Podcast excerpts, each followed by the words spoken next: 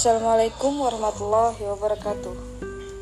Halo teman-teman, kenalin nih, nama saya Putri Meliani dari program studi Ilmu Pemerintahan VCPLM Banjarmasin.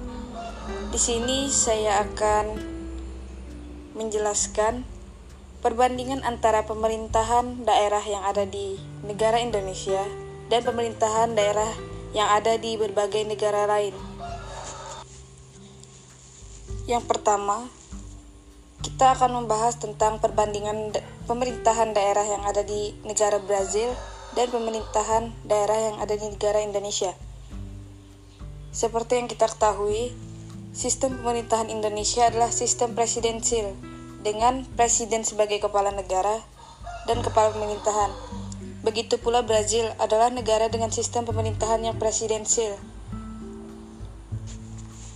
Tetapi yang membedakan antara Sistem pemerintahan daerah yang ada di negara Brazil dan negara Indonesia ialah di negara Indonesia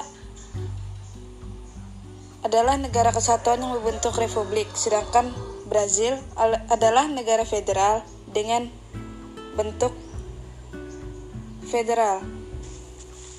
Yang kedua itu ada negara India, yang di mana negara India ini ialah kepala negaranya dipimpin oleh presiden dan kepala pemerintahannya dipimpin oleh Perdana Menteri. Presiden pun dipilih secara tidak langsung oleh parlemen.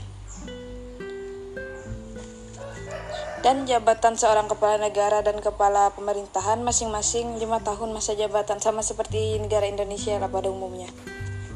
Kalau di negara Indonesia, presiden itu sebagai kepala negara dan kepala kepala pemerintahan. Tetapi di Indonesia menganut sistem konstitusional yang berarti bahwa pemerintahan berdasarkan atau sistem konstitusi atau hukum dasar, jadi tidak bersifat kekuasaan yang tidak terbatas atau absolut. Yang ketiga itu ada negara Prancis, yang di mana Prancis sendiri menerap, menerapkan prinsip desentralisasi dan dekonsentrasi secara bersamaan untuk pelayanan masyarakat yang lebih baik. Dekonsentrasi berarti pelimpahan wewenang dan urusan pemerintahan pusat ke daerah.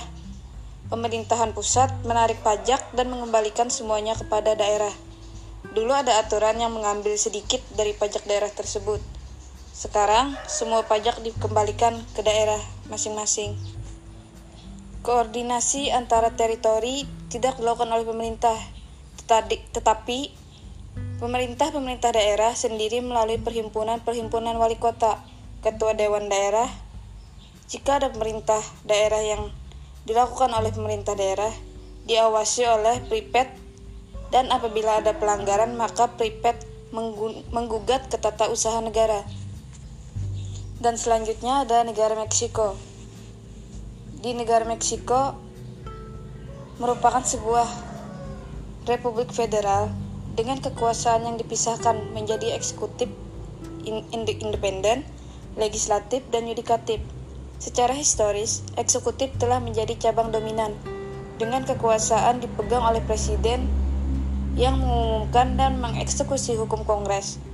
Kongres telah memainkan peran yang semakin penting sejak tahun 1997 ketika partai partai oposisi pertama membuat keuntungan besar.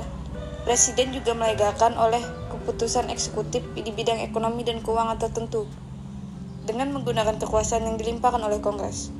Presiden dipilih oleh hak pilih universal orang dewasa untuk jangka waktu 6 tahun dan mungkin tidak memegang jabatan kedua kalinya. Tidak ada wakil presiden dalam hal pemindahan atau kematian presiden. Presiden sementara dipilih oleh Kongres.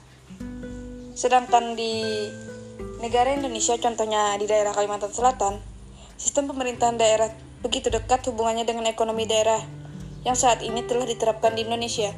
Jika sebelumnya sistem pemerintahan bersifat terpusat atau sentralisasi, maka setelah diterapkannya otonomi daerah, diharapkan daerah bisa mengatur kehidupan pemerintahan daerahnya sendiri dengan cara mengoptimalkan potensi daerah yang ada. Meskipun demikian, terdapat beberapa hal tetap diatur oleh pemerintah pusat, seperti urusan keuangan negara, agama, hubungan luar negeri, dan lain-lain. Sistem pemerintahan daerah juga sebetulnya merupakan salah satu wujud penyelenggaraan pemerintah yang efisien dan efektif. Sebab, pada umumnya tidak mungkin pemerintah pusat mengurusi semua permasalahan negara yang begitu kompleks. Di sisi lain, pemerintah daerah juga sebagai training ground dan pengembangan demokrasi dalam sebuah kehidupan negara. Sistem pemerintahan daerah disadari disadari atau tidak sebenarnya ialah persiapan untuk karir politik level yang lebih tinggi dan umumnya berada di pemerintahan pusat. Lanjut ke negara Jerman. Negara Jerman saat ini menganut sistem pemerintahan demokrasi parlementer, sedangkan di Indonesia menganut sistem presidensil, yang di mana negara Jerman adalah negara federal desentralisasi dilakukan oleh pemerintah negara bagian. Di negara federal sering kali Undang-Undang Dasar negara federal mengatur umum saja keberadaan pemerintah daerah negara tersebut seperti Jerman. Sedangkan Indonesia, negara kesatuan, dalam penyelenggaraan pemerintahannya menganut asas desentralisasi, dekonsentrasi, dan tugas pembantuan. Sejak tahun 1814, negara Belanda ialah sebuah negara yang berbentuk kesatuan. Tetapi Belanda juga mempunyai sejarah panjang bagaimana terbentuknya Belanda menjadi sebuah negara kesatuan yang, ber yang berasal dari negara konfederasi dan federasi. Saat ini, yang berperan dalam pemerintahan adalah prinsip desentralisasi Desentralisasi dibagi menjadi dua, yaitu desentralisasi teritorial dan desentralis desentralisasi fungsional. Adapun desentralisasi teritorial yaitu kekuasaan di, provin di provinsi dan lokal, baik provinsi maupun munisipal, bisa dibentuk atau dirubah berdasarkan undang-undang parlemen. Sedangkan desentralisasi fungsional diberikan kepada suatu badan tertentu untuk menjalankan urusan tertentu seperti badan pengawasan air, badan komoditi, badan industri, dan lain-lain. Lanjut ke negara Jepang. Negara Jepang merupakan negara dengan sistem pemerintahan parlementer. Kepala negara pemerintahan kita ralat kepala pemerintahan dipegang oleh Perdana Menteri. Kaisar hanya sebagai simbol dan pemersatu rakyat. Itulah inti dari sistem dan bentuk pemerintahan Jepang. Jepang merupakan negara monarki konstitusional dengan kepala negara seorang kaisar, meskipun Jepang merupakan negara monarki.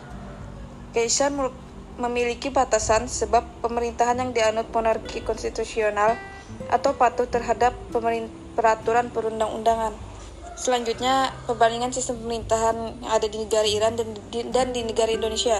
Yang pertama, negara Iran, negara Iran atau bernama lengkap Republik Islam Iran memiliki bentuk negara kesatuan yaitu perubahan pemimpin yang secara substansif dilakukan dengan cara pemulihan. Republik Islam Iran menerapkan sebuah sistem atau aturan yang berlandaskan tauhid dan wahyu pemimpinan serta keagungan dan nilai-nilai luhur kemanusiaan karena dasar negara Iran berlandaskan pada agama Islam. Next, kita lanjut ke negara Argentina. Argentina menganut sistem pemerintahan republik presidensil, yaitu sistem pemerintahan yang kepala negara dan kepala pemerintahannya adalah seorang presiden, melalui pemilihan umum juga yang dilaksanakan setiap empat tahun sekali.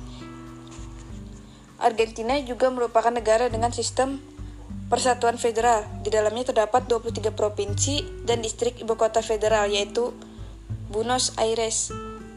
Yang terakhir ialah negara Inggris, yaitu Inggris adalah negara kesatuan, bukan federal. Negara Inggris menganut sistem demokrasi parlementer yang dipimpin oleh Perdana Menteri dan partai. Ya cukup segitu saja pemaparan dari saya. Jika ada kata-kata yang salah dan kurang berkenan, mohon dimaafkan. Wassalamualaikum warahmatullahi wabarakatuh.